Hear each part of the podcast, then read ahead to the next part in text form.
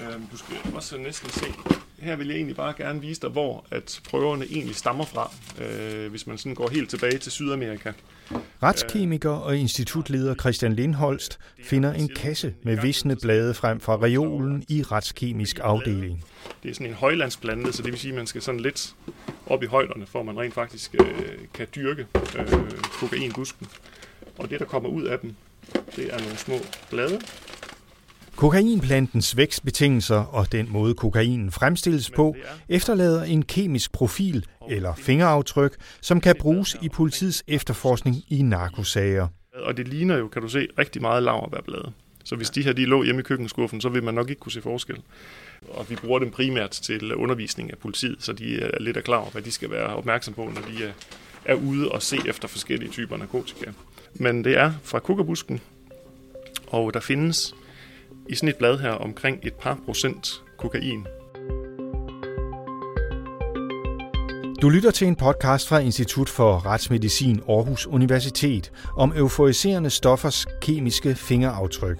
Udover Christian Lindholz møder du også politikommissær Jesper Jørgensen. Noget af det, vi bruger det til, det er at se, kan vi finde andre kemiske fingeraftryk, der svarer til det, vi sidder med her.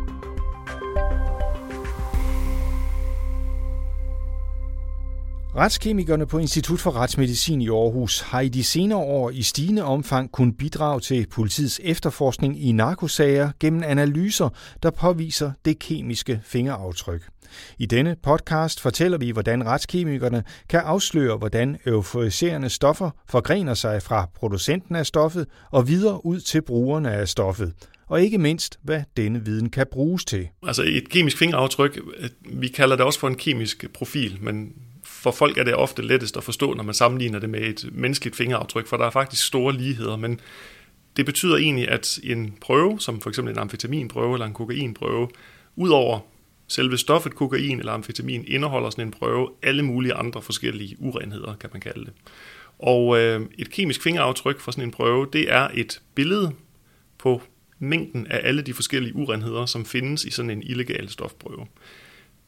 Fordi man fremstiller for eksempel amfetamin illegalt under relativt dårlige forhold, jamen så vil næsten hver eneste ny fabrikation af amfetamin fra sådan en amfetaminproducent have et lidt forskelligt indhold af urenheder, og det kan så give anledning til det her ændrede mønster, altså et ændret fingeraftryk af lige præcis en ny prøve fra sådan et produktionslaboratorie.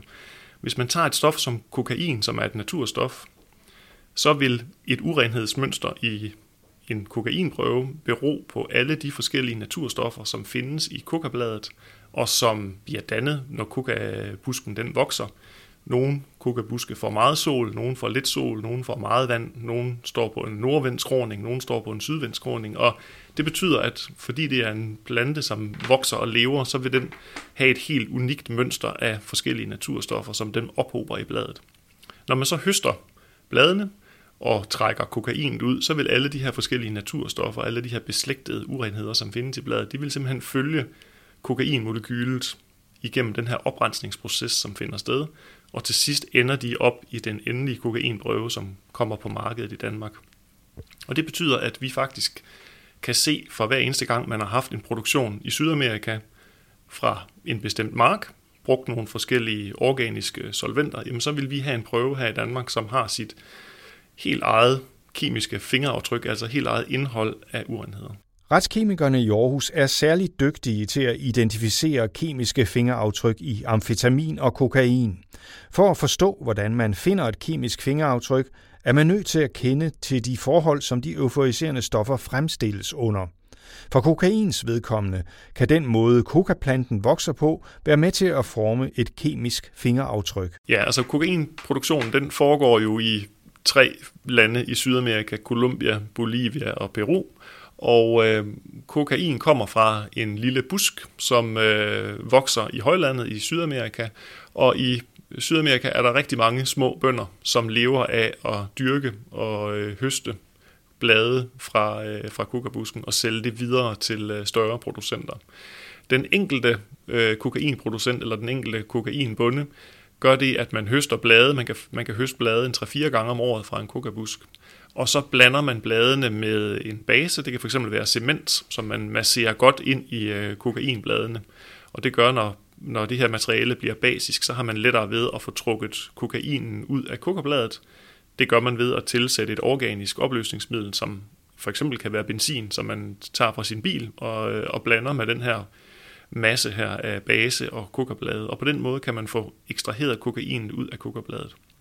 Det renser man så op, og så får man et produkt, som man kalder for kokapasta, som sådan er første mellemtrin i, i vejen for at lave kokain. Den her kokapasta, den sælger bunden så på det lokale marked til en større opkøber, som køber kokapasta fra mange små bønder, og tager det så med hjem til sit laboratorium, og det ser man ofte på film, man har de her laboratorier, som findes ude i egenskoven, og det er altså de her større opkøbere, som køber fra små kukkerbønder. De vil så rense kokapastaen yderligere op, sådan man til sidst har et næsten helt rent produkt, som næsten kun indeholder kokain. Men heldigvis for os indeholder de jo så også alle de her urenheder, som ligesom følger kokain med på rejsen igennem øh, oprensningen. Så det er de her lidt større producenter, som laver også de hvide blokke og det hvide pulver, som vi, øh, vi ser her hjemme i Danmark. De kommer fra større opkøber og større laboratorier.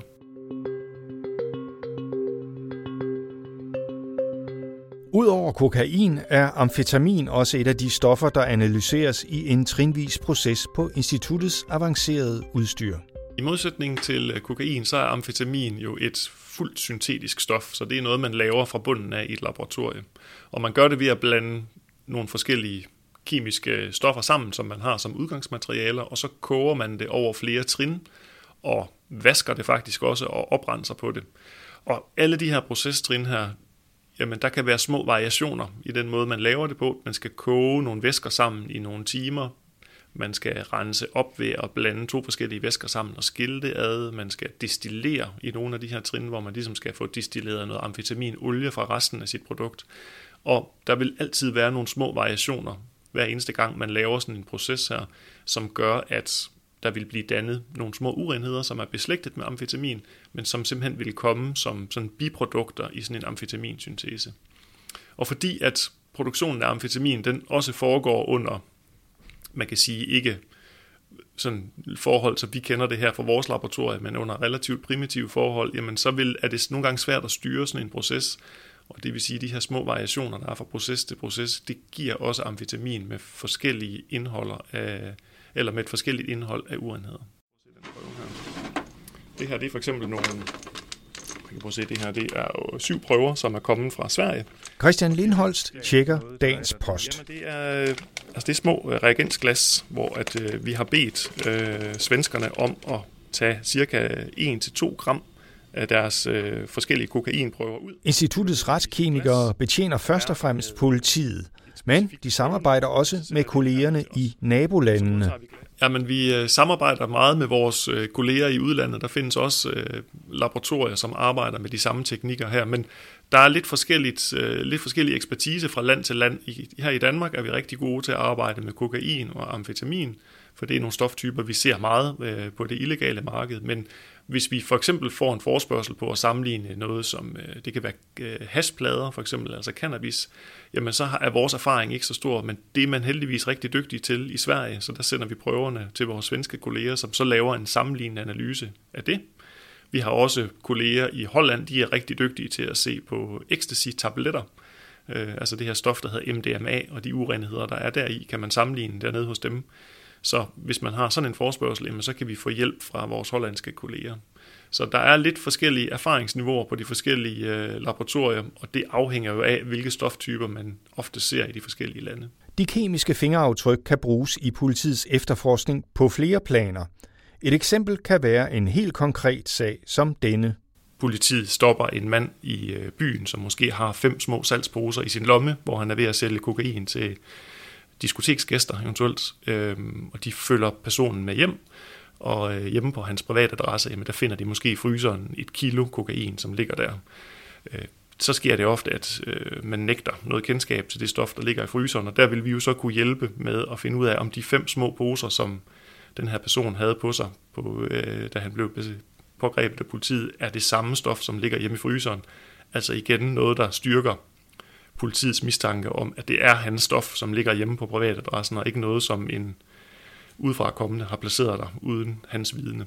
Men udover de helt konkrete sager, kan de kemiske fingeraftryk også bruges til at give politiet indsigt i de netværk, der distribuerer de euforiserende stoffer. Ja, altså man kan prøve at tage en, en sag som den, jeg har liggende lige her. Øh, det er en sag, som vi har arbejdet med i et stykke tid, hvor politiet har haft en lang række prøver, som de har beslaglagt på forskellige øh, lokaliteter, og man kan se, øh, det er ikke altid, de oplyser os om det, men øh, lige præcis for den her prøve, der kan man se, at man har været på to forskellige adresser, og der har man på den ene adresse fundet i en fryser to poser med amfetamin, som har været imellem 1 og 5 kilo. Og øh, så har man været på en anden adresse, og der kan jeg se, at der har man fundet også nogle poser med amfetamin, som man har fundet øh, i nogle køkkenskabe. Der også har ligget noget på et øh, stuebord. Og øh, dem har man så samlet sammen, og man har givet dem forskellige numre fra politiets side. Og nu har man jo så sendt dem ind til os, og så har man spurgt, jamen prøverne fra de her to forskellige adresser, kan de være beslægtet, altså kan de samme fra samme produktion, hvilket kan være et indicie på, at de her to personer, som er på de her to adresser, rent faktisk har handlet med hinanden, eller fået deres stof fra samme leverandør, for eksempel. Og, og hvad kan man bruge sådan nogle oplysninger til? Det kan politiet bruge i deres øh, efterforskning, hvis de har øh, andre øh, indicier, som knytter de her to personer sammen. De har måske øh, telefonaflytninger, som også øh, forbinder de her to personer. De ved, de har måske en tredje fælles bekendt, som også knytter dem sammen. Jamen, så er det her ligesom et, man kan sige, et lod i vægtskålen, som forbinder to forskellige personer sammen. Ja. Goddag, er Jesper. Ja, ja. Goddag, Jesper. Hej Jacob, velkommen. Tak. Vi tager lige bagvejen ind. Ja. Skal vi ikke det? Yes. Jeg hedder Jesper Jørgensen. Jeg er politikommissær i noget, der hedder Særlig Efterforskning Vest som er en, øh, en afdeling, der primært beskæftiger sig med øh, efterforskning mod organiseret øh, netværkskriminalitet, øh, rigtig ofte international kriminalitet. Jeg bad Jesper Jørgensen forklare, hvordan de kemiske fingeraftryk kan hjælpe politiet i deres arbejde med at gennemskue narkotikans distributionskanaler. Det er noget, vi kan bruge efterretningsmæssigt, øh, også for at danne sit et overblik over, hvordan ser situationen ud lige i øjeblikket hvilke netværk smuler til Danmark, Norge, Sverige for eksempel, hvis du finder øh, et identisk fingeraftryk, kemisk fingeraftryk i Danmark og, og Norge for eksempel. Og hvad kan I bruge sådan en oplysning til, så når jeg har sådan et, et billede af det? det? Det er rigtig vigtigt for os, hvis man kan sige, at man finder et, et identisk fingeraftryk i, Danmark og for eksempel Norge, og så øh, finder det samme ved en stor produktion nede i Belgien for eksempel. Så, så, øh, så kan man sige, jamen her har vi øh, smuglerruter fra Belgien ja, via Tyskland til Danmark og Norge. Og, øh, og, og det er selvfølgelig vigtigt, øh, fordi det er jo øh, vanskeligt at afdække øh, de her organisationer. Det er jo ikke sådan, at, at et, et fund af et, et identisk øh, kemisk fingeraftryk i Danmark, øh, øh, Norge og Belgien for eksempel, at, at, at så har vi også en sag at køre med. Vi skal bruge noget mere, men, men det vil være en god indikation på, her har vi noget at arbejde med, har vi andre oplysninger, der siger Belgien, Danmark, Norge. Og så, så ved vi i hvert fald, jamen der er en organisation, der er beskæftiget med den her form for trafik. Altså vi har øh, øh, selvfølgelig en mulighed via Europol for at se, jamen har vi, har vi nogle øh, kemiske fingeraftryk i andre lande? Nu har vi et godt et her for eksempel. Er der andre lande, øh, som har et tilsvarende? Og øh, viser det så, at, at øh, man har det, jamen så vil der være, hvis der er mere selvfølgelig, så vil der måske være grundlag for at indlede et mere tæt samarbejde omkring en, en eventuel sag. Men altså, det er sådan noget med, at man forestiller sig, om så sætter I lidt ekstra øh, overvågning på nede ved grænsen, fordi nu har I set, der kommer noget stof sandsynligvis fra Belgien og herop, eller, eller hvad kan man forestille sig? Det kunne man godt øh, et langt stykke længere hen i efterforskningen, øh, altså lastbiltrafikken, som det typisk er med, de her øh, smuglere, øh, ruter er, øh, er jo massiv, og, og det, er, det er som at finde en nål i en høstak, hvis du ikke har lidt mere. Men, men det er klart, øh, altså det, det kunne være et, et led i den sidste del af efterforskningen. Alt tyder på, at der også på langt sigt vil være brug for alle tænkelige efterforskningsredskaber på narkotikaområdet. Jamen, altså det er jo et marked med, med evig højkonjunktur. Øh, det er vores vurdering, at, at has og kokain, PT, er de to øh, mest populære stoffer. Og så øh, ser vi mange tegn på, at amfetamin faktisk har fået en renaissance. For 20 år siden var det jo det mest populære stof, i hvert fald i, i det jyske område. Så har det været øh, nedadgående i en periode, men, men vi har haft nogle sager her inden for det sidste års tid, hvor vi har, øh, hvor vi har set virkelig store mængder amfetamin produceret og i omløb. På det seneste har politiet beslaglagt store mængder kokain. Vi har de sidste 3-4 år øh, gjort øh, nogle øh, ekstraordinære store beslag, øh, både her i Jylland, men også på Sjælland. Og, øh, og det, der er kendetegnende ved dem, det er, at, at der er taler om, om kokain af meget høj renhed. Det vil sige, at øh, beslagene er, er sket i de miljøer, som står for importen af det. Når politiet beslaglægger mere kokain, skaber det travlhed blandt retskemikerne, og den seneste tids politiske udvikling i Sydamerika har faktisk skabt særlige udfordringer for dem. Man mener, der er en vis sammenhæng imellem øh, den politiske situation i Colombia, hvor man faktisk havde en fredslutning med den her oprørsgruppe, der hedder FARC omkring 2015, og siden den fred den blev etableret imellem regeringen og den her oprørsgruppe, så har man set en kraftig vækst i antallet af produktionssteder fra, øh, af kokain. Og øh, det virker også som om nogle af de produktionssteder har fået fred og ro til at lave rigtig meget kokain. Fordi det kokain, der kommer til Europa nu, det er, der er selvfølgelig mere, end der har været tidligere, men kvaliteten af det er også væsentligt bedre, end man har set tidligere. For vores øh, vedkommende, der er vi øh, lidt utilfredse med, at kvaliteten af kokain er blevet så god, for det betyder faktisk også, at man, øh, man, man udvander lidt fingeraftrykket, forstået på den måde, at de urenheder, som vi normalt kigger på i prøverne, de bliver mere og mere utydelige, fordi prøverne bliver af bedre og bedre kvalitet. Det betyder ikke, at vi ikke kan lave den her analyse, men det betyder bare, at det bliver lidt sværere at sammenligne prøverne, fordi hvis man sammenligner med sådan et klassisk fingeraftryk, så betyder det faktisk, at fingeraftrykket bliver lidt mere utydeligt, end det man har været vant til at se på.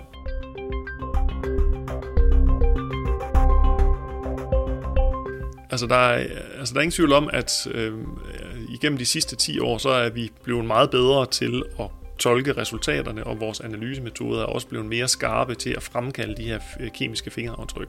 Og det vil sige, at de udtalelser, vi kommer med nu, jamen de har, en, de har en større vægt, end de havde tidligere. Det vil sige, når vi siger, at noget er ens, jamen, så er der faktisk en meget stor sandsynlighed for, at det passer. Når vi siger, at noget er forskelligt, så er vi også ret sikre på, at det faktisk forholder sig på den måde. Så på den måde har man øh, nok kunne, kan man nok i dag festne mere lid til det resultat, vi kommer med, end, end man har kunnet tidligere, fordi vi bliver bedre til at lave de her analysemetoder. Også politiet har bemærket udviklingen. De er blevet skarpere, altså de kan, de kan bedre lave nogle analyser, der er brugbare. De, de, er, de er mere øh, øh målrettet mod, mod, mod politiets brug af det, og så selvfølgelig også den mulighed, der er for at udveksle informationer mellem både politimyndighederne, men også mellem øh, de retskemiske institutter rundt omkring i landene, er blevet bedre, og så giver det selvfølgelig et bedre resultat, når du har noget at sammenholde det med.